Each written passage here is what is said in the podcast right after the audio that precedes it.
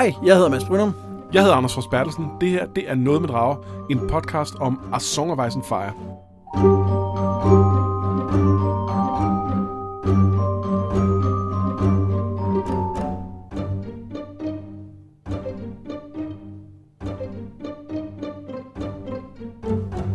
I gang med at læse hele George R. Martins serie. Vi er i tredje bog af Storm of Swords, hvor vi er mere eller mindre præcis halvvejs med det her afsnit.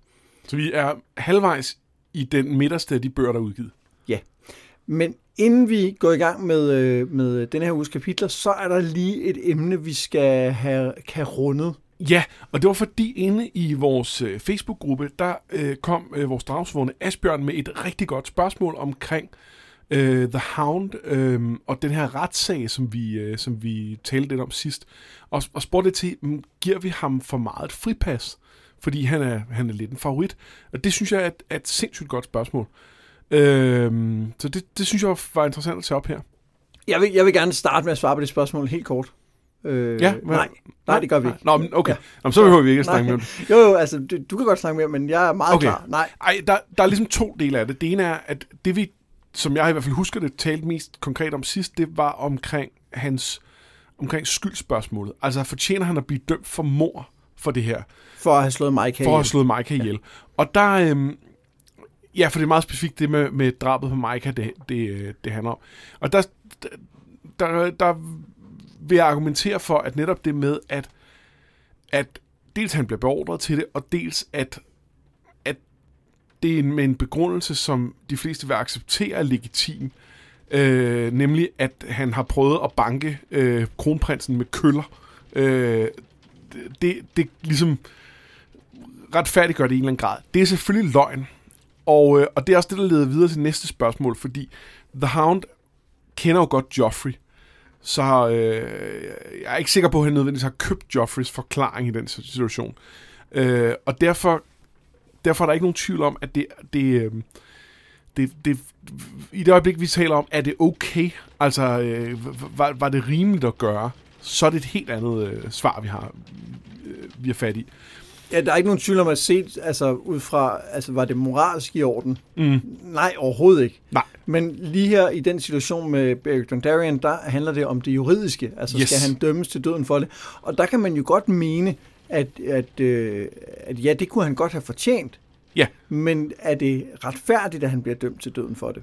Ja, og det tror jeg ikke, jeg synes. Men, men, men lige præcis det der med, om det er moralsk og sådan noget, der, der, øhm, der nej, altså det, det, det er selvfølgelig forkert. Øhm, og det er, det er helt fair at ligesom mene, at, at, at The Hound dermed har, ligesom har overskrevet en grænse, da han slår Micah ihjel, som man ikke føler, at han nogensinde kan komme tilbage fra. Ligesom der også er nogen, der vil, der vil sige, for eksempel Jamie, da han kaster Brain ud af et vindue, jamen uanset hvor meget han, han kan rykke sig i en anden retning, så, øh, så synes man bare, at han er gået for langt. Øhm, men hvis jeg skulle pege på nogle ting, hvor, som gør, at jeg ikke helt mener det, så handler det blandt andet om, at, øh, en af de ting, der er med, med, med den her scene, da han kommer tilbage med Mikes lig, det er, at man kan se hans, hans øjne glitre. Og jeg vil dø på den høj, der er, at The Hound øh, har tårer i øjnene på det tidspunkt. Fordi han godt ved, at det er forkert.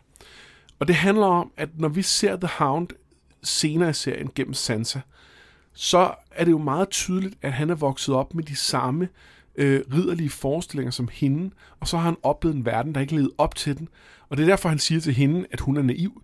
Men, men det er jo fordi, han selv har lært de der lektier inden. Han har, han har haft en idé om, hvad der var rigtigt og forkert, og verden har fortalt ham, at det var noget andet. Så han ved godt, at det er forkert at slå Micah ihjel. Og, og, og, og, og det er det, der kommer til syne på den måde.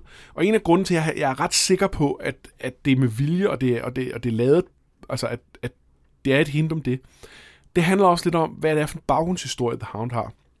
Fordi han, øh, det vi får at vide, da, han, da, da, da, da Sir Gregor øh, brænder hans ansigt af, det er, at det er fordi The Hound har, eller det er han jo ikke på det tidspunkt, det er fordi Sander har leget med, med Gregors øh, legetøjsridder. Og det er jo et meget, meget klart symbol på, at lille Sander, han drømmer om at blive ridder. 100 procent. Og det er præcis det, Micah også er. Han er en lille dreng, der drømmer om at blive ridder. Så når The Hound rider ud og slår Micah ihjel, så er det jo et symbol på, at han slår sit, sin, sin barnlige tro på at være ridder ihjel. Øh, og jeg nægter at tro på, at, at øh, der ikke er lagt, altså at, at, at, at Martin ikke har set det som noget, han, han, han, han der, der var meget følelsesladet for, øh, for The Hound. Og derfor er, er jeg så overbevist om det med tårne. Jeg vil sige, at øh, for det første, er jeg er jo egentlig ikke så interesseret i, hvad Martin har tænkt. Altså, jeg, jeg synes, du har en ret overvisende analyse for, hvorfor det her er, er plausibelt ud fra teksten. Jeg synes, det er meget lidt tekst at basere det på, det her med, at hans øjne ikke lige drejer sig. Det, det kan også mm. være noget, noget det, ondskabsfuldhed. Man, det kunne det sagtens være. Øh, men der, hvor at, øh, at, at jeg synes, du langt hen vejen ret, der er også noget med, at det er meget tydeligt, at den måde Sander han er foragtelig over for ridderlighed på, er jo en reaktion på, på det her svigt, han har oplevet ja. fra sin bror, og en måde at distancere sig selv fra de idealer på. Altså vil jeg sige, at de var heller ikke noget værd i første omgang. Altså det er jo sådan en forsvarsmekanisme, det synes jeg er meget, meget tydeligt, ja. at det her er ikke en, det kan godt være, det er en, en, en grundlæggende holdning hos ham, men det er egentlig ikke det, han mener. Og så kan man så sige, hvad, hvad betyder det så, om han græder eller ej der? Jamen det betyder noget for, om han viser anger, og det kan man i hvert fald mene gør en forskel. Øhm, men der er ikke nogen tvivl om, at han har jo stadig gjort det. Han har jo stadig gjort noget, han virkelig ikke burde. Han har stadig slået en i sammenhæng uskyldig dreng ihjel, uanset at, at han havde, der var nogle ordre osv. Øhm, det som... Det, det, altså, han udvikler sig, og det gør han, fordi øh, ellers ville Sansas historie med ham heller ikke fungere. For hele pointen er jo, at hun skal rykke ved ham. Øh, men når hun kan rykke ved ham, når hun kan udvikle ham, så handler det jo om, at der er en eller anden kerne af noget, som godt ved, hvad der er rigtigt og forkert, og som, og som ikke bryder sig om det, han har gjort. Øh, for ellers, hvis der ikke var det, så havde hun ikke kunne gøre, hvad hun gør. Så havde hun ikke kunne få ham til at, og på en eller anden måde tro på, at jamen, hvis hun kan holde fast i de idealer, jamen, så er de måske værd at tro på. Måske handler det ikke om, hvad verden accepterer. Måske handler det om, at, at jeg kan vælge, at jeg skal leve mit liv på en bestemt måde. Øh, og det er den realisering, han får gennem, gennem, øh, gennem at opleve, hvad hun øh, øh, mener og siger og tænker. Ja, jeg synes, jeg, jeg er meget enig. Jeg synes bare, det er vigtigt her at sige, at der er ikke, synes jeg, noget belæg for at sige, at Sansa har et eller andet projekt med, at overhovedet hun skal ikke, overhovedet ikke. Hun gør det, det, det fuldstændig ja. øh, uden at, at, at vide, hvad hun gør. Hun gør det ved at være et eksempel. Ja, på, hun på gør det ved at være den, hun er. Ja, præcis. Helt sikkert. Det, det er bare lige for, for at sige, det er ikke sådan en ting med, at øh, åh, han, er, øh, han skal reddes af... Nej, nej, nej, overhovedet ikke. Ja. Øhm, men, men, men det er i praksis det, hun gør. Helt sikkert. Øhm, og, og, og, og man så synes, det er okay eller ej, øh, altså om, om man siger, hvis han nu lever op til de her ting, hvis han, hvis han føler anger over det her, kan vi så sympatisere med ham? Det kan jeg godt, men hvis der er nogen, der ikke kan, det er jo helt fair. Øhm, det er interessant at sammenligne med sådan en som Jamie, som også har en eller anden form for redemption story. Øhm, fordi Jamie har ikke nogen anger. Jamie, øh, han, han har en realisering, altså eller han har en forståelse af, at det, det, han, det at kaste Brain ud et vindue er forkert. Øhm, men, men og, og han, han overvejer også, at han måske ville have gjort noget andet. Men det er ikke sådan, så han følelsesmæssigt virker som om, at, at, at han, han tænker, åh oh, gud, jeg har slået et barn ihjel. Hvad, hvordan kunne jeg nogensinde finde på det? Mm, øh, det, det, det, det men det er heller ikke den personlighed, han er. Øh, så, så ja, der, der er en interessant kontrast. The Hound, han er øh, tilbage for en kort bemærkning i øh, de kapitler, vi har her, men, men ikke, øh, ikke noget, der leder an til en helt store diskussion, der kan fortsætte det her, synes jeg. Nej, nej overhovedet ikke. Øh, men, men det kommer der lidt mere i senere. Øh. Ja, du er sindssygt, der kommer ja. mere af det senere. Ja. Altså, han, han, han bliver ved med at være en rigtig interessant figur. Ja. Og, og han, er, han er en af dem, jeg glæder mig mest til at se, hvor han ender henne, i, ja. når The Winds of Winter udkommer. Ja. Øhm, han bliver i hvert fald interessant at følge her i, i hvad skal man sige, det er jo anden halvdel af, af Storm Swords. Ja, rigtig interessant. Han generelt øh, fylder en del. Ja, men vi skal starte et lidt andet sted. Vi skal nu starte med Tyrion. Han er reddet ud med et følge for at møde prins Doran Martell, der er på vej for at tage sin plads i kongens råd. Men det er ikke den gikplade Doran, der kommer. Det er i stedet hans noget mere krasbørstige og krigeriske bror, Oberyn Martell, også kendt som The Red, The Red Viper. Sådan. Oberyn fortæller, at han faktisk har mødt Tyrion før, dengang han var en lille baby, og slet ikke som monstrøs, som rygtet lod vide, altså dengang Tyrion var en lille baby. Øh, Oberyn har altid været lidt monstrøs, tror jeg. Ja, men på sådan en, en, en lidt hot måde. Ja, helt sikkert. og så fortæller han, at han er i King's Landing for at få hævn, så Tyrion tænker, at det nok skal gå rigtig godt og slutte de tos møde af med mere eller mindre direkte at tro prinsen på livet. Øhm, og noget af det, som jeg synes er, er rigtig fint i den her lille sekvens, det er, øhm, det, er den der, det er den der måde, at der bliver vist, at det, man tror, man ved, ikke nødvendigvis er sådan, det rigtigt er. Fordi at, øh, at Tyrion snakker om, at øh, Oberyn jo har, har gjort øh, Willis Tyrell til krøbling. Ja. Øh, og, og ligesom regner med, at der er ondt blod der, og så siger Oberyn, ja, vi skriver sammen om, ja. om hesteopdræt eller et eller andet. Ikke? Altså sådan, øh, der er ikke nogen... og, og man fornemmer ikke, at han lyver der. Altså det, det er, øh, han, han er så ærlig med resten af tingene, så det vil være en underlig ting. Og, ja. Øhm, og, øh, og også det der med, hvor han siger, prøv at høre, den, han, øh, han, for det første var han for uerfaren, og for det andet så skete der den her konkrete tekniske ting i den her duel, som gjorde, at bla bla bla, okay, den kører jeg. Ja, og, og, og, og der kan man jo sige, at selvom det var en, et konkret uheld, så kunne man jo godt hos uh, Tyrells have, have næret ondt blod mod Oberyn for, for det alligevel, men det virker bare ikke som om, at det er. Det virker i hvert fald ikke som om Willis gør det, men jeg er ikke sikker på andet end Mace. Øh, ja, men det, ja, det tror jeg lige så meget, fordi han er en uh, Dornishman, altså. Ja, ja, ja. Ja det, der, er jo, der er jo en gammel øh, fjendskab. Ja. Og så synes jeg, at vi får et lille indblik i, hvordan Lannister-børnene øh, har været, dengang de var små. Ja. Og, og det er en øh, meget præcis øh, gengivelse af, hvordan de er nu, ikke? Jo, jo, det, det er fuldstændig det, det samme, ikke? Øh, det er, øh, ja, det er meget fint. Cersei, der har hang til sadisme, Jamie, der beskytter Tyrion, og ja, Tyrion, der er et lille monster, ja. grundlæggende. Så en ting, jeg rigtig godt kan lide det her kapitel, det er, øh, det, det er uh, Podrick, der får lov til at brillere med sine uh, heldig-evner. Ja. Øhm, ja, jeg er, jeg er jo bare vild med Podrick, og jeg har sådan en følelse af, at han skal bruges til et eller andet stort. Fordi han ligesom, hver gang han, han for alvor bliver, bliver øh, sat, sat i fokus, så, så er han ret sej. Altså, han kan, der er en masse ting, han er, han er dårlig til. Han er nervøs og usikker og sådan noget. Men han, han, han reagerer godt, da han er, i kamp, og så nu her, der, der kan han huske alle de der øh, huse og sådan noget. Det, det, det, ja, og så, så er der jo et eller andet med, at denne her øh, heraldikbeskrivelse gør jo, at vi uden at få forklaret, hvem folk er, får et billede af, hvordan de er. Ja. Også selvom at det ikke fordi man får spillet meget ud af, at, at, tre citroner på et lille baggrund. Altså det, det siger ikke noget, noget om, hvem man er, men det gør det alligevel. Det giver en eller anden visuel reminder om, at der er nogle adelsfolk, der er på, der er nogle bestemte adelsfolk. Og ved at lade Podrick være den, der får lov til at sige det, så, så giver det mening, at vi bliver præsenteret for den her ja. heraldik. Ja, det giver vægt til dem på en eller anden måde. En ting er, at vi får at vide, at der er de her øh, øh, de ni øh, huse, der er repræsenteret, og, og de er meget fornemme og alt muligt. Men det, at vi går igennem dem, det gør også, at, øh, at, at altså, de får, ligesom præsent, får en præsentation hver især. Det er lidt som i Ringens Herre, da, øh, da alle de her øh, Gondors stormænd rider ind i byen med deres øh, det er mænd, rigtigt, ja. hvor der ja. også er sådan, okay, nu kommer de her, de er så alle sammen for få mænd med os videre, men, men, men det er det, det er stadig følelsen af, at nu kommer alle de seje folk. Og her der, der igen sådan, det får givet noget vægt.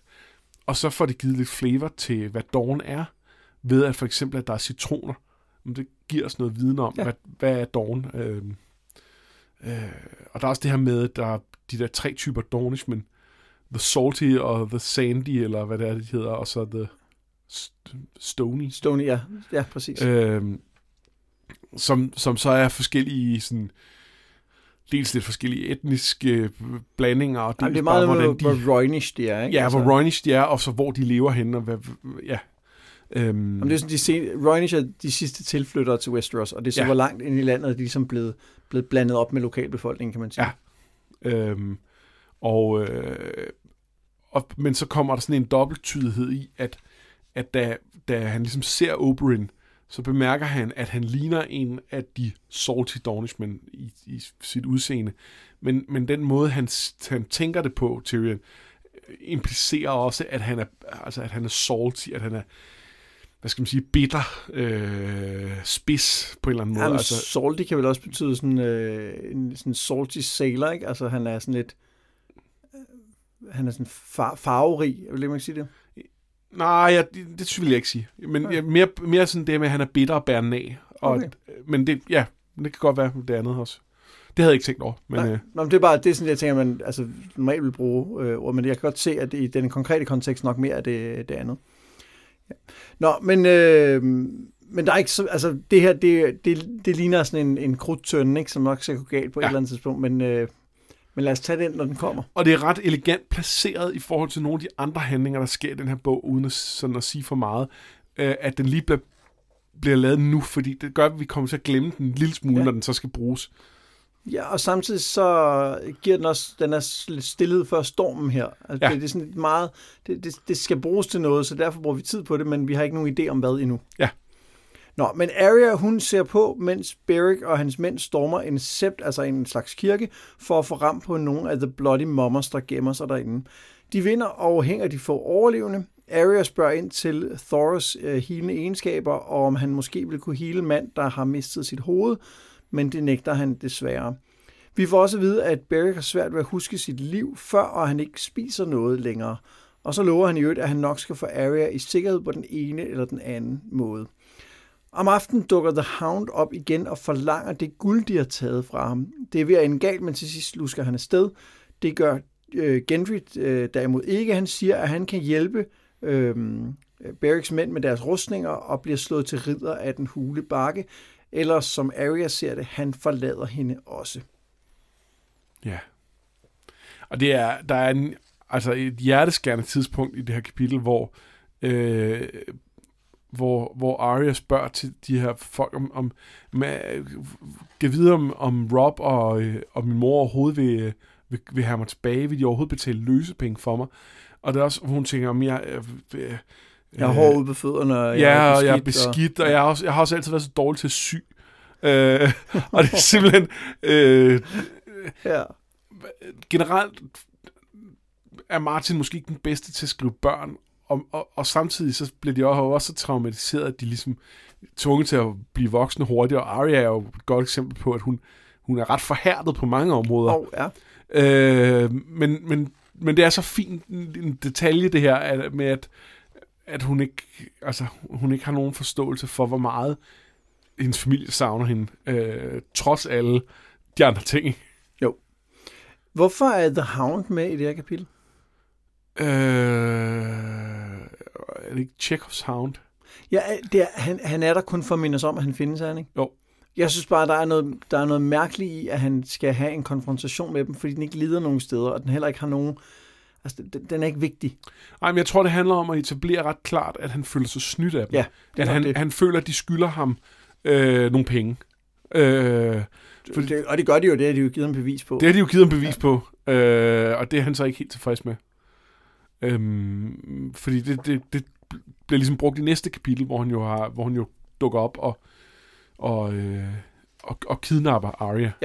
Jamen det, jeg tror, du har ret, at det er bare det, han skal, og så får han lige lov til at, at understrege, hvorfor han stadig er der. Ja, og, og hvis, ikke, hvis ikke vi får præsenteret øh, hvis vi ikke får præsenteret det med pengene, så bliver det også altså det legitimerer jo i en eller anden grad, at han, at han kidnapper øh, Arya, øh, fordi man kan sige, hun er jo en omvandrende pengesæk på en eller anden måde. Øh, det, hun er også en, Ja, men det er hun altså også, et menneske, ja. men, men øh, ja. Øh, så ja, det, det er derfor, tror jeg. Og så er det jo et interessant kapitel, fordi vi får lidt indsigt i, hvad det vil sige at blive øh, genoplevet seks gange. Det lyder ikke vildt fedt. Nej, det lyder som om, at det er, øh, det, det er nederen. Ja. Men øh, jeg kan godt tænke mig lige at gemme den til næste kapitel, Ja. hvor Barry er med, fordi der er også nogle ting, som vi skal, skal overveje, der peger, peger Ja. Øh, og det er måske også det, vi lige kort kan tage Arya og Gendry. Ja, Den- lad os den bare gøre også, Jamen, den gemmer vi så lige. Så hopper vi til Bran, Jojen, Mira og Hodor. De kommer til en lille forladt landsby i The Gift, det land, som er blevet givet til The Night's Watch, men som nu er stort set forladt. Vagten er ikke længere stærk nok til at patruljere, og det gjorde folk sårbare over for røverbander. Landsbyen ligger ved en sø, og på en ø i søen står et tårn. Bran kan huske det fra en historie og ved, at der er en sti, der snor sig gennem vandet derud, så de kan finde ly. Og det er heldigt for en enlig rytter dukker op. Jojen går meget op i, at de ikke må blive set, heller ikke, når det tiden kommer af de sorte brødre, selvom Bran mener, at de vil kunne hjælpe dem øh, til at komme igennem muren, og måske endda vil give dem heste. Det begynder at tordne og lyne, og Hodor råber op. De prøver at berolige ham, men uden held. Og pludselig er der flere mænd i den lille landsby, end Jojen kan tælle, altså flere end han kan tælle, så det begynder at være ret vigtigt at få Hodor til at sige stille. Så til sidst rækker Bran i desperation ud mod ham på samme måde, som han gør med Sommer, og det lykkedes. Kort er han Hodor, og det skræmmer ham, men det får mig også til at sige stille. Hvem folkene er, får vi ikke at vide, men i Sommers skikkelse lister Bran så tættere på. Ja. ja. Vi får det at vide lige om lidt. Ja, det gør vi jo så. Det ved, det, vi ved det godt, fordi vi har lige læst det. Ja. Øhm, det er ret fint, det her. Det her jeg kan godt lide det her tårn. Jeg synes, det er en fed setting. Ja. Øh, og jeg synes, øh, hele det her med, at man hører om Queen Alysanne, og hvordan hun, øh, hvordan hun, hun øh, ligesom kan se den her, det her behov for, øh, for at holde The Night's Watch stærk. Øh, det er også interessant. Altså, at, er det bare fordi hun er deroppe og tænker, åh ja, de gør et godt stykke arbejde, eller, eller er der et eller andet, at Targaryen-slægten på en eller anden måde gennem det med, med dragerne, gennem en eller anden forbindelse til, til øh, profeti og så videre, ved, at at det er vigtigt at holde, holde det her stærkt. Man ved det ikke, men... Altså generelt er det jo altid godt at have øh, dem, der bestemmers ører. Ja. Og have dem i nærheden af det arbejde, man laver, så de kan se, at man faktisk laver arbejde, og så kan de give penge til det. De, ja, altså. det er rigtigt. Men, men, men du har ret, Anne kan også sagtens spille ind, også fordi hun netop er der med sine drager, ja. øh, og de måske kan mærke noget andet, end, end hun kan. Så ja, det, det er en, en lille interessant ting. Og så, og så er det bare med til at give noget, noget flavor til, til Hus Targaryen, og, og hvad de egentlig har, har rent og lavet i de 300 år, de har, de har hersket. Ja. Øhm. Men, men, det, men det rigtig spændende her, det sker jo lige om lidt i John-kapitlet. Ja, der er en ting, som måske er værd at bide mærke i, og det er det her med, øh, med, med Brain, der, øh, der, øh, der ligesom, hvad skal man sige, besætter Hodor. Ja, han vakker ind i ham. Vakker ind i, i Hodor. Og det, øh, altså, det er jo markant i den forstand, at, at det at gøre i, til et andet menneske, det er jo relativt grænseoverskridende. Øh, og det er også noget, som, som man senere, øh, jeg tror ikke, man har fået det at vide nu, men, men senere får præsenteret som værende noget, man ikke må gøre øh, tabu øh, i, i, i sådan varkredse. Øh, og så kan man sige, men Hodor, han er jo også sådan lidt simpel og sådan noget. Måske han, er det nemmere med ham og sådan noget. Jamen, det, det er det nok, men, men, øh, men hvis man kan gøre det med et andet menneske, det, det er jo et kæmpe overgreb. Der er også en, der, det kan også være, at han specifikt kan gøre det med Hodor, fordi de er faktisk ret tæt på hinanden. Altså. Og det spiller nok ind, øh, men, men man fornemmer, at det måske ikke eksklusivt vil være det. Altså, ja, der, der, ja, måske ja, kunne man... Der er lagt i kakkeloven til, at det her kommer til at skulle bruges til et eller andet. Ja. Og, og jeg synes, det er rigtig fint, at man lige får at vide, at det er noget, der skræmmer Brain. Altså, det ja. med, at man antyder, at der er noget tabuiseret over det. Ja. Øh, eller man, altså, at teksten antyder, det ja. er. Det synes jeg er meget tydeligt. Ja, men lad os, øh, lad os hoppe til John, fordi han taler med i Grid om forskellen mellem wildlings og dem, der bor syd for muren. Hun er wildling to the bone, tænker han, og det piner ham, at han bliver nødt til at forråde hende på et tidspunkt. Det er ikke så meget, fordi hun er wildling, det er bare fordi, hun er sød. Ja. Øhm, han kommer ikke til at vise en Winterfell, ikke kun fordi Winterfell aldrig bliver hans at vise frem, men også fordi, ja, det, det, det kommer til at ende galt, det her. Ja. Og på samme måde bryder han sig ikke om, at han begynder at lære nogle af de andre at kende. Hvis de bliver hans venner, bliver det, han må gøre, bare sværere. De ankommer også til en lille landsby, hvor de tager en mand til fange, altså hele øh, røverbanden der. Og John fortæller i Grid om tårnet i søen nær ved, og det bliver tydeligt, at det er samme landsby, som den Bran er i. Men fortællingen bliver afbrudt af styr, der vil have John til at dræbe fangen for at bevise, at han er en af dem. John trækker sit svær, men nægter i sidste ende. Jeg er free folk, siger han, men Styr siger, at han kun kan se en krave og kravens mage, så i Grid løber hen og skærer halsen over på fangen. I næste nu flår et lyn hen over himlen, og så er døden blandt dem. Det er en ulv, en direwolf, og mens den dræber, griber John chancen og stikker af på mandens hest, og mirakuløst nok så slipper han væk, dog med en pil i låret. I mørket kan han ikke se, om det er en af Ygritte's med grå gåsefjer, men han kan se Nordstjernen, der skal vise ham hjem. Jeg, jeg, jeg, jeg er blevet overrasket over, hvor få kapitler, der går fra, at John øh, hopper over til Wilding, så, så ser han er her. Ja, Øh, det føles som en lang... han når simpelthen ja. så meget, og det er, Ja. fordi vi, det er jo fordi, vi får alle de her tanker, altså, og, og, og det, grunden til, at det går hurtigt, er jo fordi, vi ikke oplever ham blive gode venner med, øh, med de her wildlings, men han fortæller om det. Altså, Ja. Så på den måde føler man, at man har oplevet meget mere, end man egentlig har som ja. læser. Ja, det er ret elegant, og, og så... Øh, der er også noget med, at, at nogle af de andre sekvenser, der er også, der er også flere points of views, der skal flettes sammen, hvor og mange intriger, der skal håndteres på en eller anden måde, hvor, hvor man er nødt til at tage det sådan lidt bid, bid for bid. Hvor at her, der øh, det, det er jo...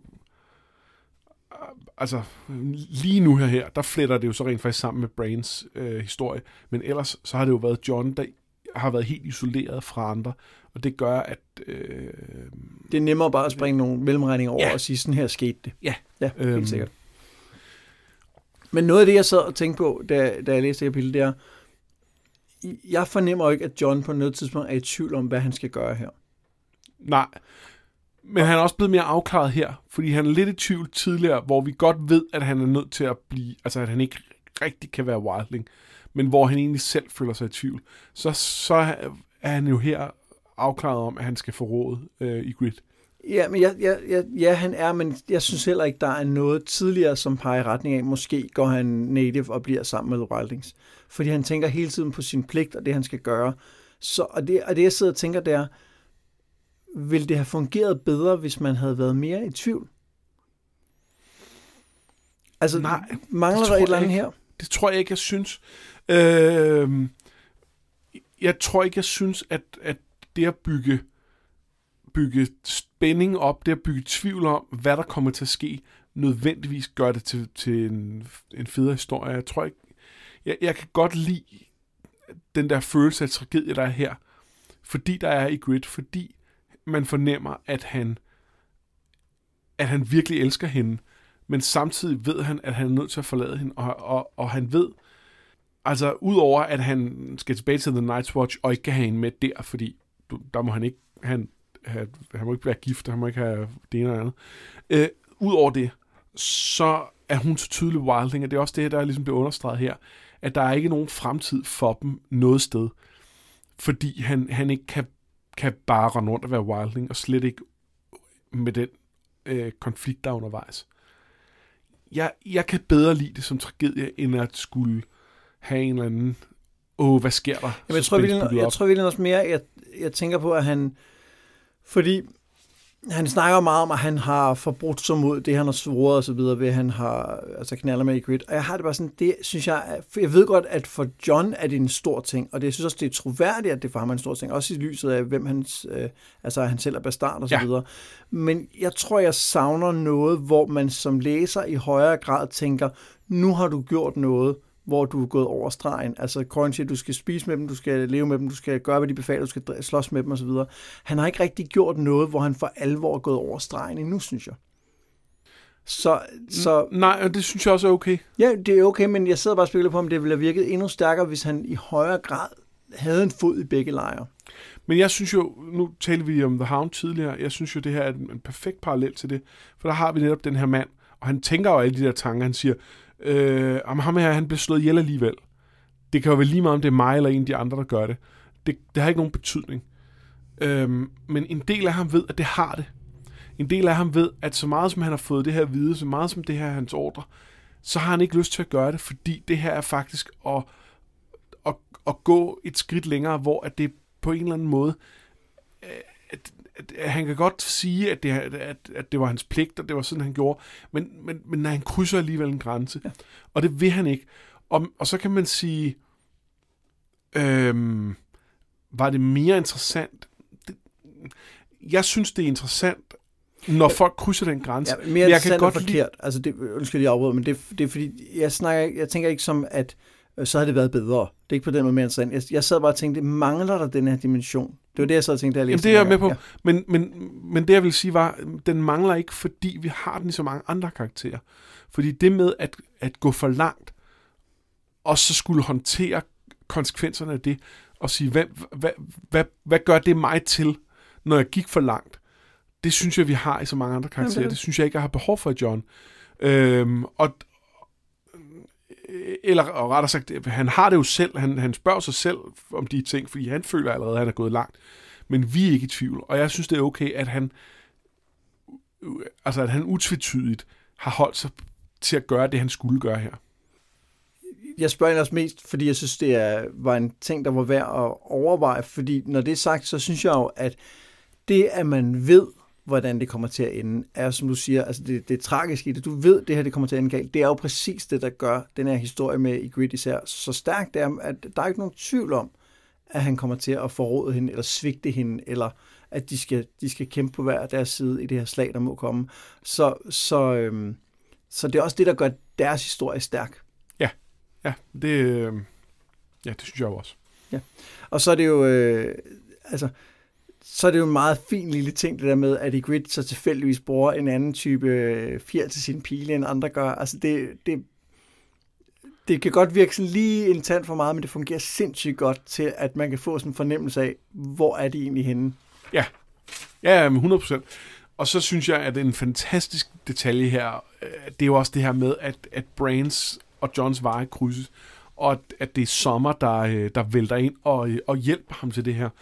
Og, øhm, og hvor meget det så er Brain, der styrer sommer, hvor meget det er sommer selv, og, og det, det ved jeg jo ikke helt, fordi man ved, at Brain er inde i sommer, men, men hvor meget han ligesom træffer jeg, det jeg, aktive jeg er ret sikker på, at Jojen tidligere siger, at han har sat Sommers liv på spil. Ja, det er rigtigt. Det Så, gør så jeg, jeg tror, at øh, det er Brain, der Det er har Brain. en med i spillet. Men, men også det med, at, at han sætter det jo i gang, inden det er tydeligt, hvad der vil ske.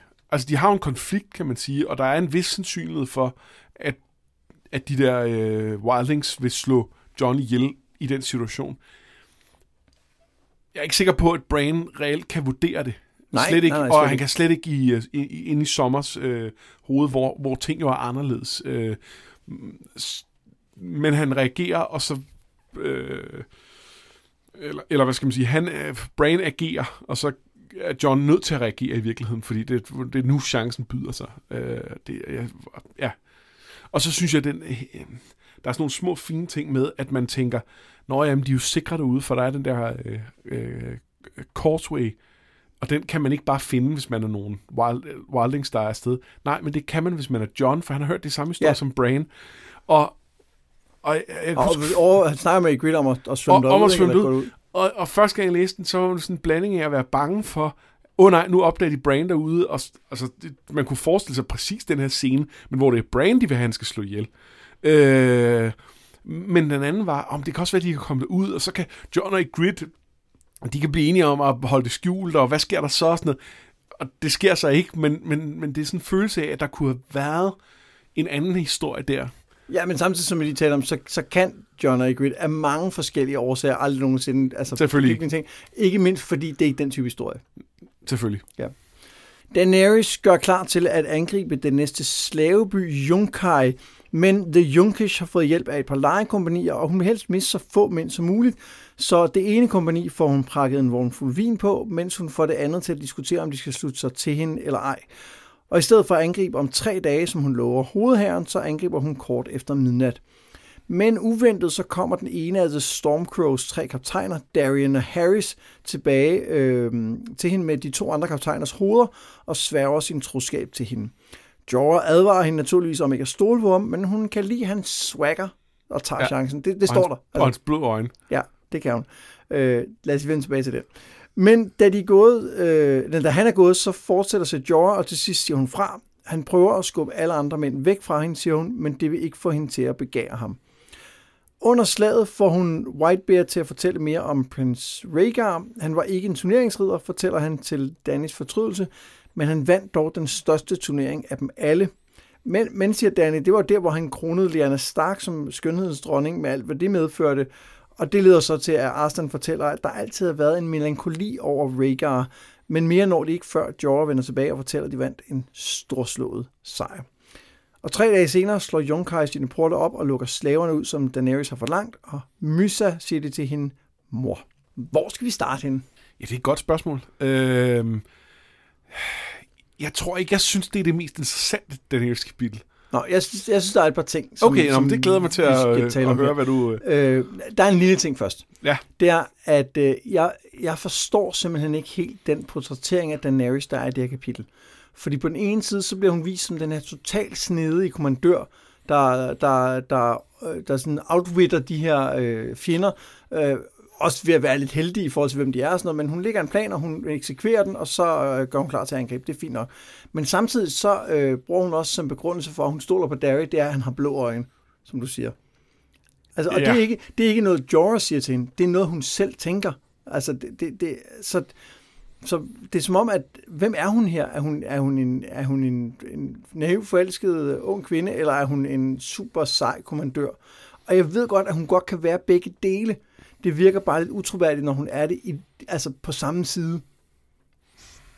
Ja, ja nej. Øhm, jeg synes, det viser noget om, at hun, at hun på...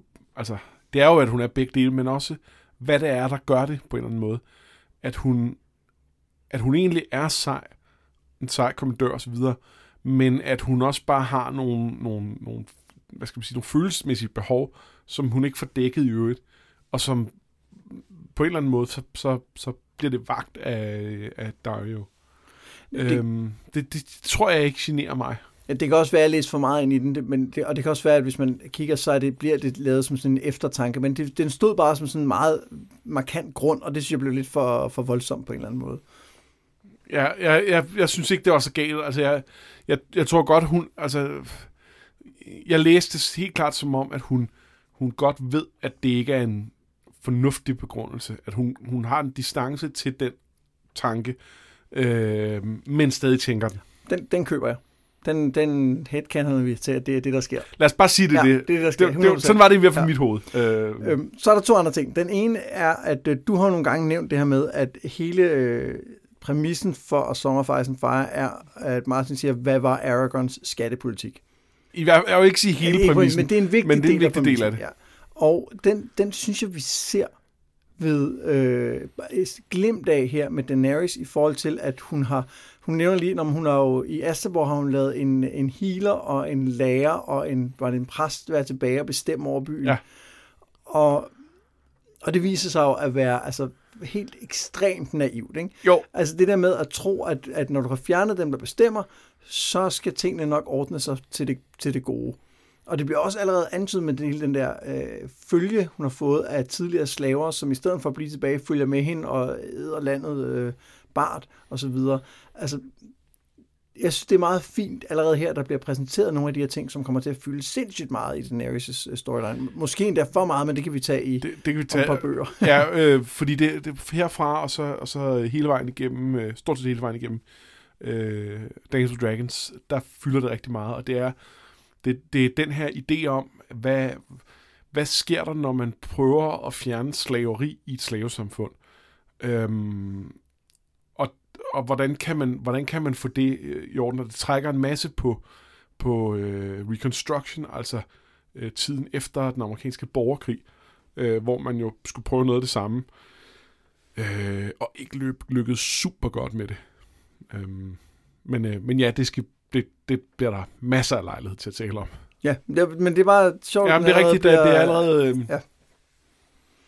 Og så var der en øh, sidste lille ting, og det, det er et meget, det er meget sådan langt ude ting, men på, øh, Arston nævner jo specifikt øh, The Shadow of Summerhall, som hviler over ja, øh, Rhaegar. Og det har jo længe været sådan en ting, hvor man ikke helt har vidst, hvad det egentlig handlede om, det her. Hvad, hvad var det egentlig, der skete på Summerhall, som er det her, øh, den her, øh, det her slot, som Targaryen-familien har. Men det er jo blevet afsløret nu, hvad det er i øh, den her øh, historiebog, som Martin har udgivet for nylig. Og jeg er lidt skuffet. Jeg, jeg, øh, jeg, jeg har jo ikke læst historiebogen. Nej, men jeg har, fået, jeg har læst den passage. Men jeg går ud fra, at det er noget med, at de prøver at lave drager til, Ja. til, som så vanligt. Ja, det er det garanteret, men jeg tror mere, at det er det med, at jeg er med på, at alle detaljerne har vi ikke fået plads endnu, men det der med at få fortalt som en, sådan en, en opsummering af fakta, når så var der en brand, og så døde de alle sammen på nær nogle få, som overlevede, og Rhaegar som overlevede. Det, det gør den her store tragedie, som åbenbart har præget hele Rhaegars liv, sådan lidt, nå, nå okay, var det det? Og, og den bliver først, synes jeg, rigtig interessant igen, når vi får hele historien og får al den kontekst, som gør, at den har betydning. Ja, men for mig ødelægger det ikke noget, altså fordi det er netop bare så meget det overfladiske. Jamen, jeg tror bare, jeg kunne have siddet og gættet. Jeg kunne, man kunne have gættet, hvad fanden kunne det være? Hvad, hvad, kunne, hvad kunne det være, der var den Vidste vi ikke mere eller mindre allerede det? Nej, jeg, jeg, havde, jeg vidste ikke helt præcist. Nej, men vi ved det jo stadig heller ikke helt præcist. Nej, men ved det lidt, ikke? Men Hvad, hvad, hvad var det reelt, den ny information, der var der? Jamen, jeg, jeg, var ikke, jeg var ikke klar over, at det var en, at det var en brand, der var sket. Det synes jeg, man har vidst. Jamen, det går, jeg, Jeg, er usikker på, det. hvor jeg ved det fra. Det kan også godt være, at jeg har hørt det fra... Jeg synes, jeg har vidst det længere, end den historie på ude. Så det kan ikke bare være det, der ligesom er sævet igennem. Nå, det ved jeg ikke. Øhm, jeg, jeg synes stadig, det har, det har al den mystik. Det skal, ja, selvfølgelig handler det... Selvfølgelig er det en brand. De prøver jo hele tiden at lave drager. Det er jo altid Ja. det, det handler om. Øh, de sætter ild til nogle drageæg, og det går aldrig godt. Øh, og og øh, altså, det er jo... Jeg kan ikke huske, om det er det næste kapitel, men et af de kapitler, vi mangler her i, øh, i, i, i dagens afsnit, der hører vi jo om det igen, øh, hvor, øh, hvor The Ghost of High Heart øh, siger det, øh, nævner det Ja. øh, til Arya. Men jeg tror også, det er derfor, at i virkeligheden så har... Jeg, jeg, tror, i, at det er blevet, det er blevet foreshadowet som sådan noget, der er meget stort og har en kæmpe betydning. Og så tror jeg, det der med at få dele af forklaringen i sådan en, øh, en historiebog, Ja. var for mig sådan lidt antiklimatisk. Sådan, Nå, var det det? Nå, okay. Ja. Og der, der er også en grund til, at jeg ikke har givet at læse den der historiebog. Ja, ja. At så meget en, en nørd jeg er med det her. Jeg elsker de her bøger. Jeg vil dykke øh, langt, langt ned i dem. Jeg gider ikke at læse historiebøger. Nej, jamen, jeg har læst Øhm. uddrag af den, der er blevet citeret på Twitter. Jeg er sådan lidt, det, det lyder Ja, virkelig whatever. øh, og, og jeg kan da godt synes, at, interess- altså, at spe- specifikke detaljer kan være interessante, fordi det lige det kaster lys på et eller andet, hvor man sidder i tvivl. Men, men jeg gider da ikke at sidde og troll den igennem. Øhm, og det, ja, jeg, jeg kan måske godt følge lidt, hvad du siger. Jeg, jeg, jeg synes ikke, det var, det var det er noget rigtigt, men for eksempel The Doom of Valyria, det er også sådan en begivenhed, hvor man tænker, uh, der er også noget mystisk og sådan noget. Øh, og der må Ja. også stå nogle ting der. Jamen, jeg har, The Doom of Valyria, det, jeg vil gerne vide, hvad det er, men jeg vil have historien som nogen, der er der. Ja. Jeg vil ikke have den fortalt i sådan noget, øh, ja, i, i 400 et eller andet skete der så følgende. Og det gider jeg ikke. Nej. Nå, men det var, et, øh, det var et meget langt sidespring for øh, noget, der ikke var super vigtigt i forhold til der, hvor vi er lige nu i historien. Det er meget rigtigt. Øhm, men, men hvis det ikke er nu, man skal gå ud på et meget langt sidespring, når man læser bøgerne og laver podcast om dem, hvornår skal man så? Ja, måske når vi snakker om dem, hvor der ikke bliver optaget. Vi kan jo ikke, vi kan jo ikke have så lange sidespring hele tiden. Nej, nej, okay, okay. Jamen, jeg holder Nej, mig, jeg holder mig på den, kan vi det. den snævre sti fra nu af, kan jeg godt sige det. Om det, der skal være tid til mine sidespring. Ja. Arya, øh, Beric og de andre kommer tilbage til øh, High Heart, som du lige taler om, og der møder de igen den lille dværgekvinde, som fortæller mere om sine drømme. Sine åbenlyst profetiske drømme. Og, og der vil jeg gerne, du spurgte sidst, hun dukkede op. Der spurgte du, om hun var en Children of the Forest. Ja. Og så sagde jeg, nej, nej, det mente jeg ikke. Og så da jeg læste den her igen, så var det det der med, at hun sagde, at hun var 1000 år gammel eller sådan noget. Og jeg, jeg tror mest, jeg læser det som om, at hun, altså, som noget, man siger. Jeg er meget gammel. Øh, så siger hun 1000 år. Der var en lille del af mig, der tænkte, kan vide, om, kan vide, om du har fat i noget? Kan vide, om hun er... Øh, Ja, altså jeg, jeg, øh, jeg sad og, øh, og googlede lidt på forskellige forer og sådan noget, og det, jeg, jeg synes, der på den officielle sådan, wiki, der, der står der, at hun ikke er, men der har tydeligvis været andre, der har haft den samme idé, så det Ja. kan også godt være, at det er sådan lidt undecided. okay, om Øhm, det, ja. Hun har i hvert fald forbindelse til det.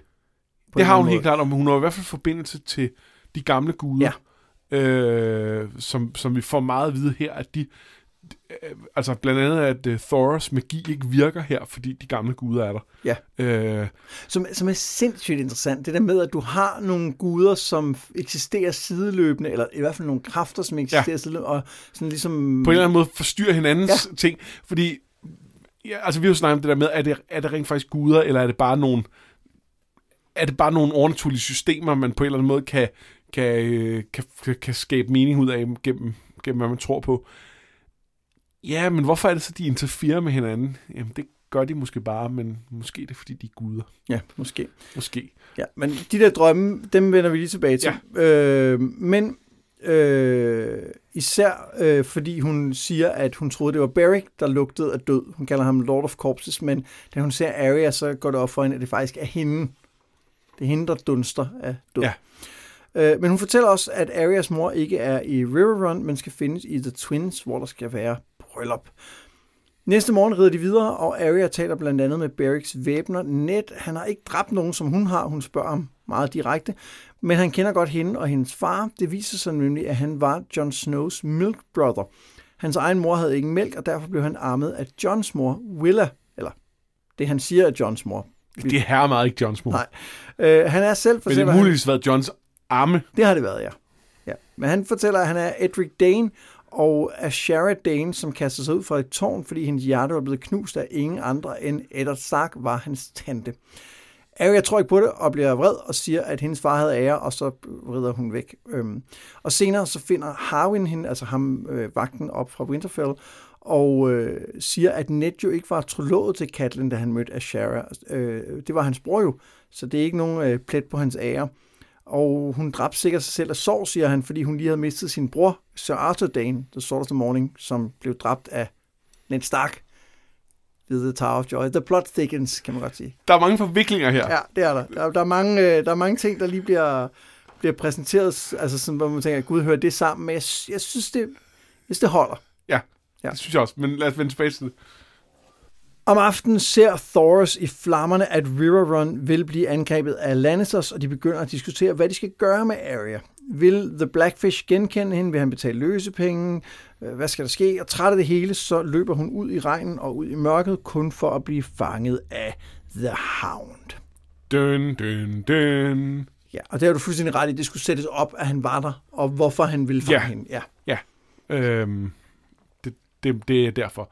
Og, øhm, og man kan sige, at han, han, kunne, han kunne jo få løspenge fra flere kanter. Han ender jo med at søge dem fra, øh, fra, fra Starks. Øh, og det, det er jo trods alt noget. Ja. Nu vi taler om, om, om ham og hans... Øh, hvad skal man sige, hans... Øh... Jamen, nu foregriber vi begivenhedens ja. gang. Lad os, ja, lad os, ja. lad os gemme det. Tænk, vi skal jo tale lidt om de her drømme, som, øh, som hende, dværgekvinde, øh, har. Og der er jo nogle af dem, som er... Øh, det her, det er ting, der er sket. For eksempel har hun jo set, at... Øh, hvad hedder han? Øh, Balin Greyjoy er død. Ja. Øh, og vi, øh, der er nogle ting, hun peger fremad. Der er nogle begivenheder i den her bog, som hun, som når man så tænker tilbage, kan man godt sige, ja, nå ja, ja selvfølgelig, den, den, er god den er rimelig sikker, den der. Men det, hvor jeg egentlig synes er mest interessant, det er jo det, hun siger om Arya. Og jeg tænker ja. egentlig, det er det, der, altså, de, de andre drømme, dem kan man selv gå ud og undersøge, hvis man er interesseret i, hvad, hvad det er. Men, men Arya kalder hun jo Blood øh, Girl og Wolf Girl. Ja, og, og sådan noget her, Dark Heart, tror jeg også. Ja, og siger, at, øh, at hun skal gå væk med sin tragedie, netop fordi hun har fået nok af tragedie ja. i Summerhall. Um, I gorged on grief at Summerhall. Fantastisk sætning. Ja. Hvad, øhm, hvad siger det om, hvad Arya har i vente? I hvert fald noget Og hvorfor med... lugter hun af død? Det, den er ja. jo måske også værd at tage med. Altså, øh, det, det, det er interessant i hvert fald. Der, der, øh, der er helt klart noget med, at hun jo, kan man sige, allerede nu har slået en del folk ihjel, men det har alle de andre jo også. Øh, hvorfor skal det så være? Er det, fordi hun er en pige? Er det, fordi hun er et barn? Har det, øh, har det på en eller anden måde... At det at, at, det at øh, slå folk ihjel i så ung alder, gør, gør det noget mere ved en, end, end at være voksen og gøre det... Ja, for hun er jo ikke morder. Altså, hun er ikke en, der dræber folk, fordi hun gerne... Altså, Nej. Hun er mere øhm, soldat, kan man sige, på den måde, hun dræber folk. Ja, man kan, så kan man diskutere ham staldrengen, hun rendte ind i, da hun flygtede fra, fra øh, øh, The Red Keep. Men altså, han vil stadig afsløre hende, og det er lidt i panik, og det ene og det andet. Det er svært at sige, det er i hvert fald, at det er et mor. Øh, Altså, hun har lige, hun har lige set sin fægtetræner blive angrebet af folk, der vil tage hende til fange, og han ja. Siger, jeg selv er det dronning. Ah nej, det, altså, det, Det- er selvforsvar. Det, det er det i en eller anden grad, ikke? Øhm, men det er stadig også, altså, han, altså, han er stadig lige så død af det. Øhm, Det er sandt. så kan man sige, at der, der, der kommer også til at være mange, mange øh, meget død i hendes, i hendes fremtid, og måske også en del mor. Øh, det er lidt uklart på det tidspunkt, vi er nu her, men øh, øh, Jeg synes, der er noget med, at man kan... man kan sige, Nå, undskyld. nej, jeg, jeg kom lige til at tænke på, der er jo den der weasel soup og alt det der. Ja.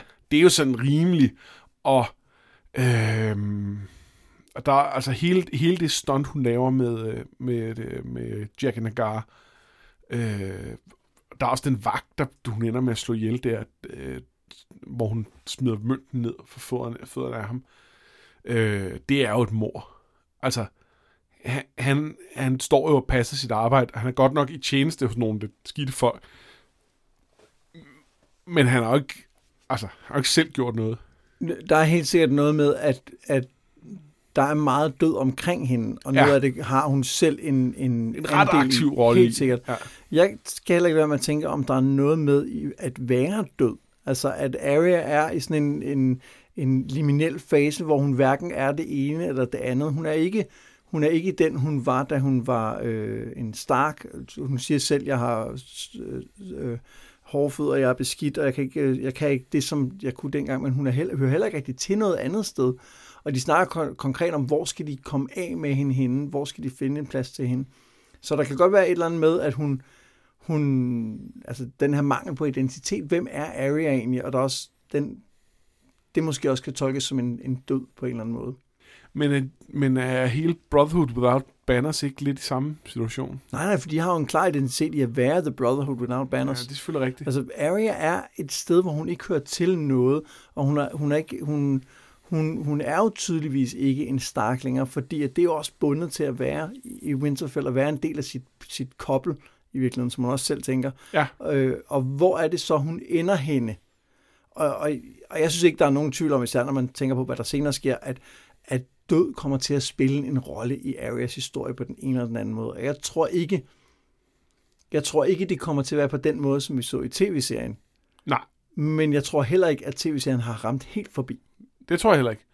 Øh, det, det er i hvert fald interessant. Der, der, man kan sige, en, en vinkel kunne også være, øh, være hendes, øh, hendes ulv, Nymeria, som jo, øh, som jo også løber rundt i området og slår mennesker ihjel. Ja. Øh, og, og, og altså, hvis hun i en eller anden grad er, altså, ulvene er jo en forlængelse af deres person.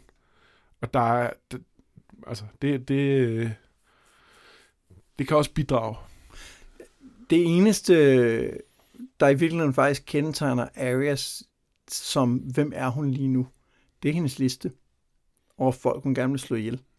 Det er i hvert fald noget, det, hun, det, en det de ting, er der den- virkelig holder hende fast Det er i, det, som er... i, i hendes identitet. Og, og der er jo noget interessant i på et eller andet tidspunkt, om hun kommer hen og kunne være andet end det. Og lige nu Ja. kan, kan, synes jeg godt, man kan argumentere for, at hun i virkeligheden ikke er meget andet end død. En ønsket om, at en masse folk skal dø. Ønsket om, en masse folk skal dø, øh, handling. Øh, hun er jo også, øh, hun, hun vakker jo ind i Nymeria, der netop øh, altså, dræber mommers og så Ja. videre. Så, så øh, hun er en, hun er en øh, voldsagent, kan man ja. godt sige. Ikke? Og hele det her med, at, at, at han, altså, have nogen, hvis, hvis, som man beder om, skal dø, det er jo noget, der bliver meget relevant senere, øh, i forhold til, hvor hun kommer hen. Øh, at, at det at kunne bede om, at nogen dør, så dør de. Øh, det, det blev et tema. Ja. Øh, så øh, Og, og jeg synes, noget af det spændende ved Arya bliver jo, hvad, hvordan kommer hun ud over det her? Ja. Altså, hvor- hvordan bliver hun til noget andet end, end en, der, der spreder død? Ja. Finder hun en anden identitet end det? Og det, det, ja, det glæder mig til at se. Noget af det, der gør Arya interessant her, det er jo, at hun er, hun, hun er jo en klassisk øh, trope, den her, den her tomboy, der, der, øhm, der ikke følger øh, de normale kønsroller, men hun er, øh, hun, hun, hun er god til at slås, og det, øh, så kan hun, kan hun gøre det, og, Øh, og så er det okay, hun ikke kan sy. Og her der har, han ligesom, der har Martin ligesom kigget på, hvad, hvad betyder det egentlig for en at leve det liv? Og man kan sige, der er selvfølgelig nogle konkrete ting, man kunne godt have forestillet sig, Arya, hvis ting ikke var gået så galt, have praktiseret nogle af de ting, uden at være blevet så traumatiseret, helt klart. Men, men øh, der er også, altså, det, der, er en, der er måske en pris for at, at glide ind i det her, altså leve det liv, hun gør, øh, hvor at Sansa for eksempel, øh, hun, øh, hun måske på nogen måde holder bedre fast i, i det, der var hende før, i, øh, i, i sin tilknytning til familie, sin tilknytning til, øh, til, til øh, Nogle idealer. idealer, øh, hvor det bliver revet væk fra Arya, fordi hun, hun bliver kastet ud i det, hun gør. Og det kan hun så overleve på grund af sine færdigheder, men det er ikke nødvendigvis uden konsekvenser. Nej, Arya har jo mistet sit, sit, sit pack, og det er jo noget, også noget af det, der former hende. Altså, Ja. så skal hun finde noget andet at høre til med. Ja. Og, øh, og, og det eneste, hun et eller andet sted møder, er vold, ikke? Jo. Vold og Gendry, som er nærmest det eneste stabile element i, Ja, og han i har lige forladt hende. Og han har lige forladt hende. Her får vi også øh, lidt mere at vide i det her kapitel om Beric, og, og vi lovede lige at vende tilbage til det. Jeg synes bare, det er... Hun står og taler med Thoros her om et eller andet andet, og så lige så bryder han ind og, og kommer med sådan en, en, en øh, seks gange også for mange. Og det, jeg siger dig, det er for mange gange, eller et eller andet.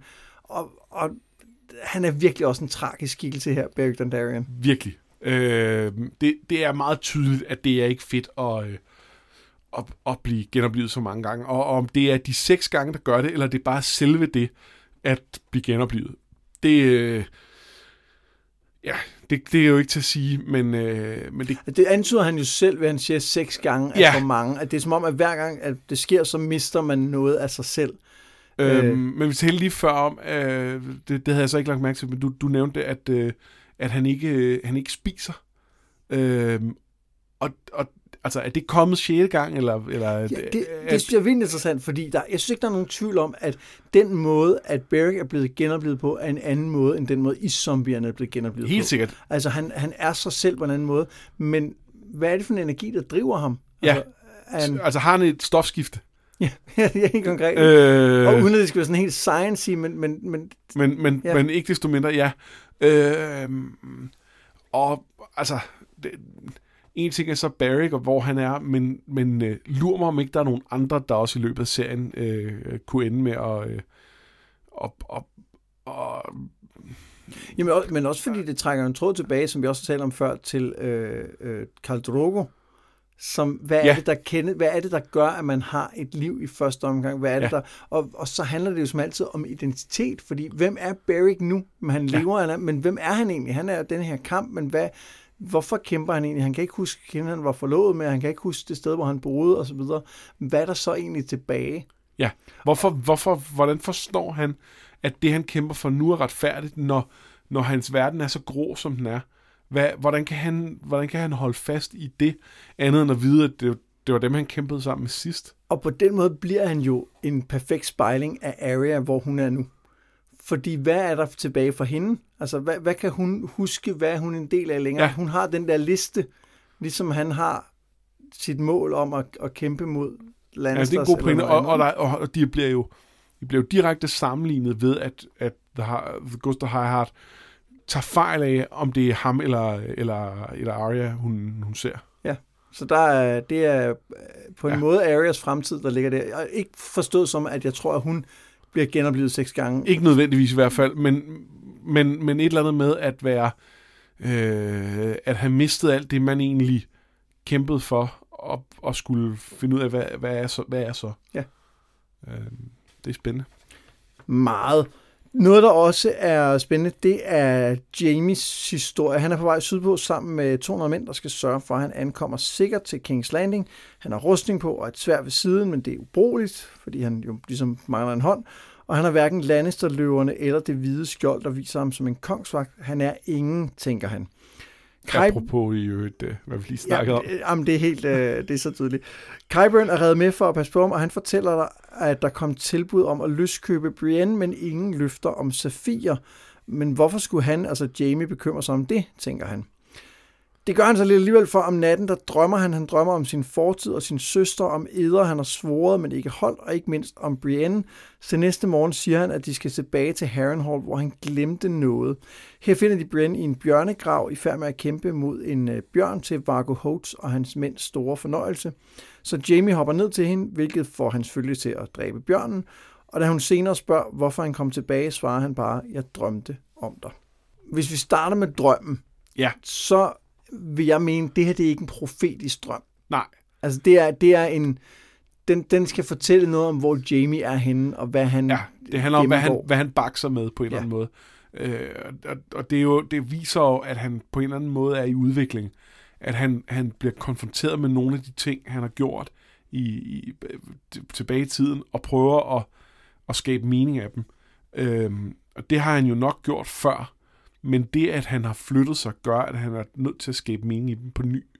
Ja, og konkret har han jo, altså konkret er han ikke længere alene med sine dæmoner, eller sin, hvis man skal sige det, sin, sin monstre, der lurer i dybet. Nu har han også Brienne ved siden af sig, Ja. der også har et svær og kan, kan slås sammen med ham. Ja.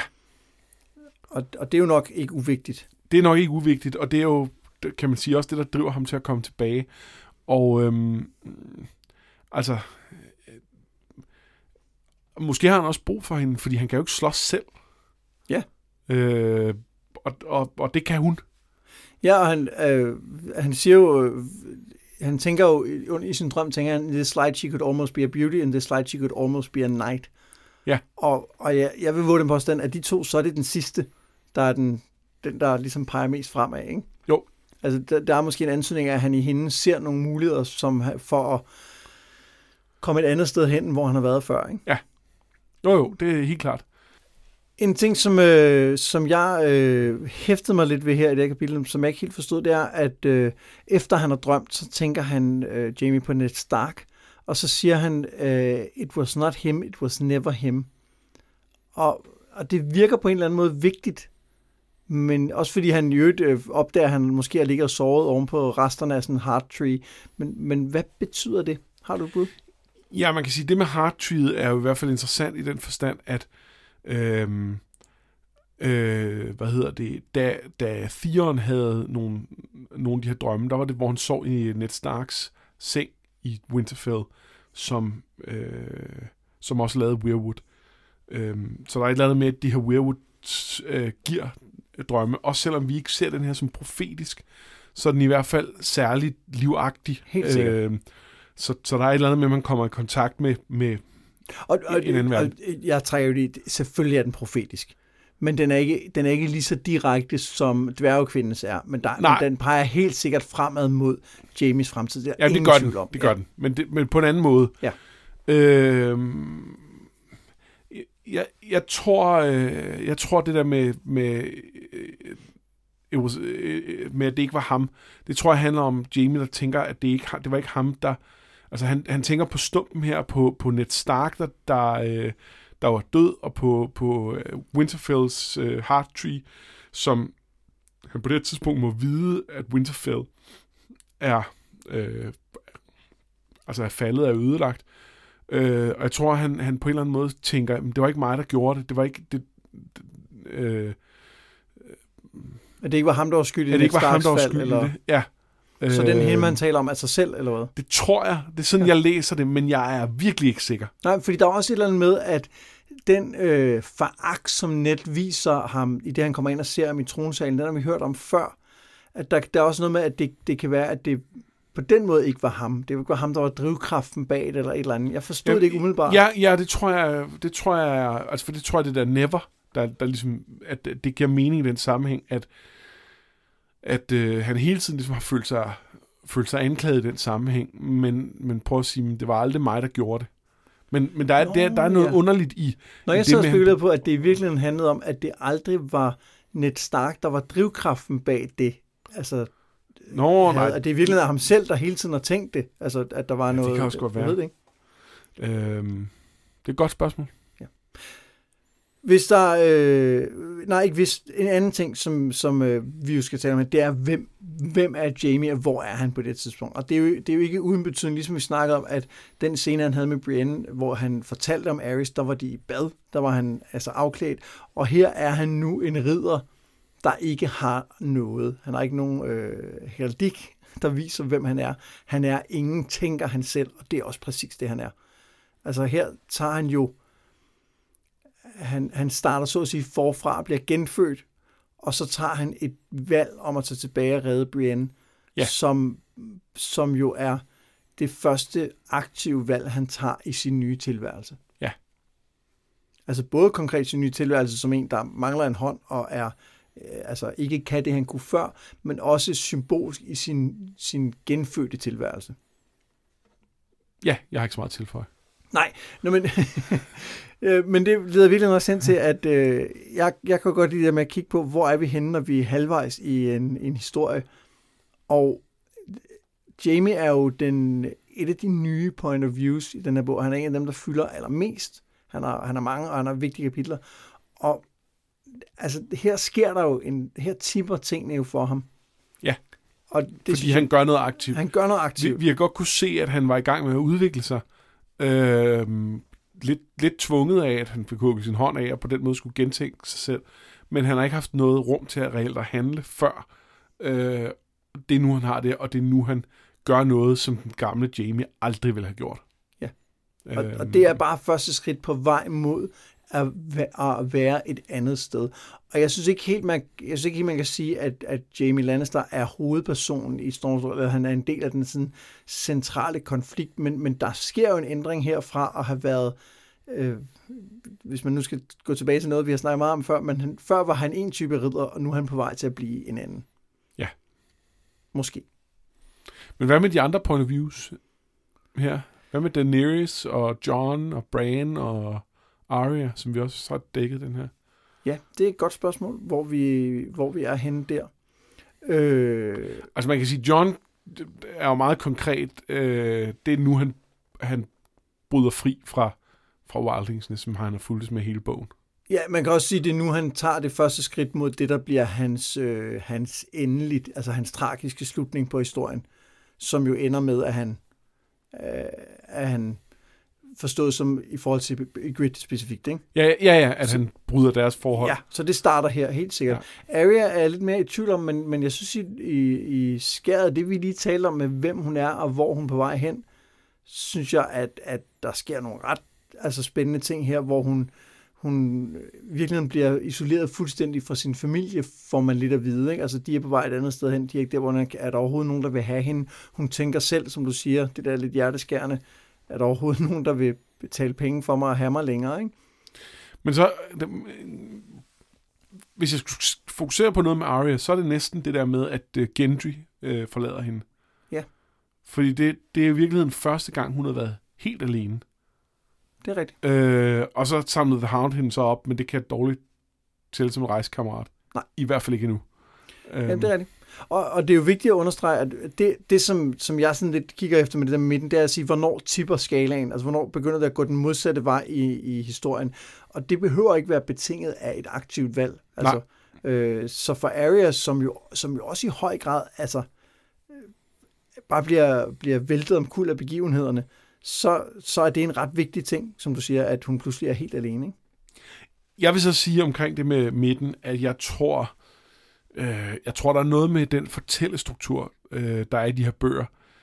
Øh, og især efter vi kom ud over første bog, som er sådan lidt mere afrundet og, og, og, og, og en hel historie, som gør, at jeg ikke er sikker på, at jeg helt køber, at man kan spore så meget i det, og at jeg tror, at altså, hvis du havde sagt til mig sidste gang, at, øh, at nu var det her midten, så havde, så havde jeg kunne finde nogle lige så gode steder at slå ned øh, og sige, jamen det er også vigtigt det her, det er lige, det, det, jamen, det er lige der, det tipper. Det der med at lede efter midten er mere et analytisk greb. At ja. det, er, det er en måde at sige, her kan du starte med at lede, og så, så finder du garanteret et eller andet i, i retningen. Men, men der, hvor jeg alligevel synes, det er lidt spændende, det er for at sige, at selv i så en fragmenteret bog som den her, så er der en, en dramaturgi. Der er nogle ting, der sker på en bestemt måde, en bestemt Det rækkefølge, og, Det og det former også den oplevelse, man har. Ja. Også som du siger, det er jo ikke tilfældigt, at vi får den der scene med Tyrion her, som er sådan lidt, der leder op til noget, som kommer langt senere.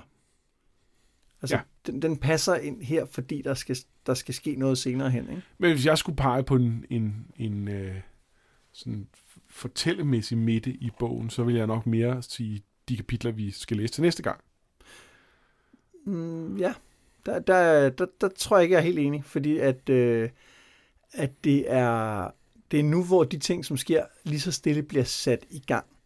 Det er nu, vi får at vide, at de er ved at ske, så det er der, den begynder at tippe over mod, hvor det, der sker i de næste kapitler, er jo i langt højere grad en kulmination på noget, eller en, en noget, noget Ja, det mener noget jeg ikke, de er.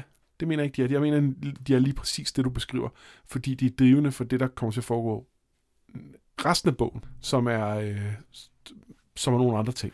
Okay, Men lad os tage, tale om det den, næste den, gang. skal vi, den, øh, den kommer vi helt sikkert til at Ja. tale om næste gang. Øhm, ja, nu, det har allerede været et langt afsnit, så skal vi ikke skynde os at springe til et, øh, et lynhurtigt kig på nogle karakterer, som vi synes Jo. fortjener lidt ekstra opmærksomhed. Ja. Jeg vil gerne lægge ud øh, Fedt. med øh, Darian Harris, som, øh, som, som jeg altid har haft lidt et soft spot for. Er alles øh, yndlings Tyroshi. Ja, fordi han er så over the top der i sit gule silke og sine øh, blålakerede negler og blå hår og skæg og sådan noget. ja, og blå øjne. og blå øjne. Han er alt, alt, alt for meget. Men det, som øh, jeg synes, der er værd at lægge mærke til ham fremadrettet, det er, at vi har talt rigtig meget om, at der ikke er nogen rigtige mennesker i Daenerys øh, ja. point of view. Og, øhm, og jeg er spændt på at lægge mærke til, om det om han kommer til at blive det. Ja, eller om han kun er den her øh, floskel af en vindbøjtel. Lige præcis. Øhm, Og, og, og af samme grund kunne jeg også have valgt Grey Worm, som, øh, som jo Ja. i tv-serien får lov til at, at finde en meget større rolle. Og der har man også spændt på at se, har han faktisk en personlighed? Ja. Det er interessant. hvem har du valgt? Jamen, jeg, jeg, jeg har også lidt noget lidt hypotetisk. Øh, jeg, har, jeg har valgt øh, øh, Ned Dane. Og det handler blandt andet om, at jeg synes, han var en utrolig interessant karakter. Øh, han har det her med, med den, den her forbindelse til John, og der er noget med, øh, hvad er det, han skal bruges til fremadrettet, og han er ligesom eksposition for en masse af det her med, med Dane-familien, som der er et eller andet, de, de virker utrolig spændende, det også selvom de alle sammen er døde.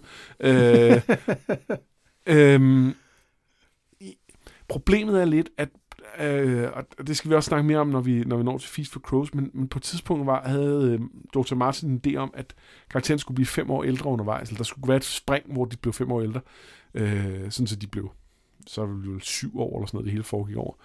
Øhm, og i den udgave af historien, der tror jeg, at Ned Dane, han vil blive en sej ridder, der vil få øh, det her Dane-svær, hvad hedder det? Øh, ja, øh, Ja.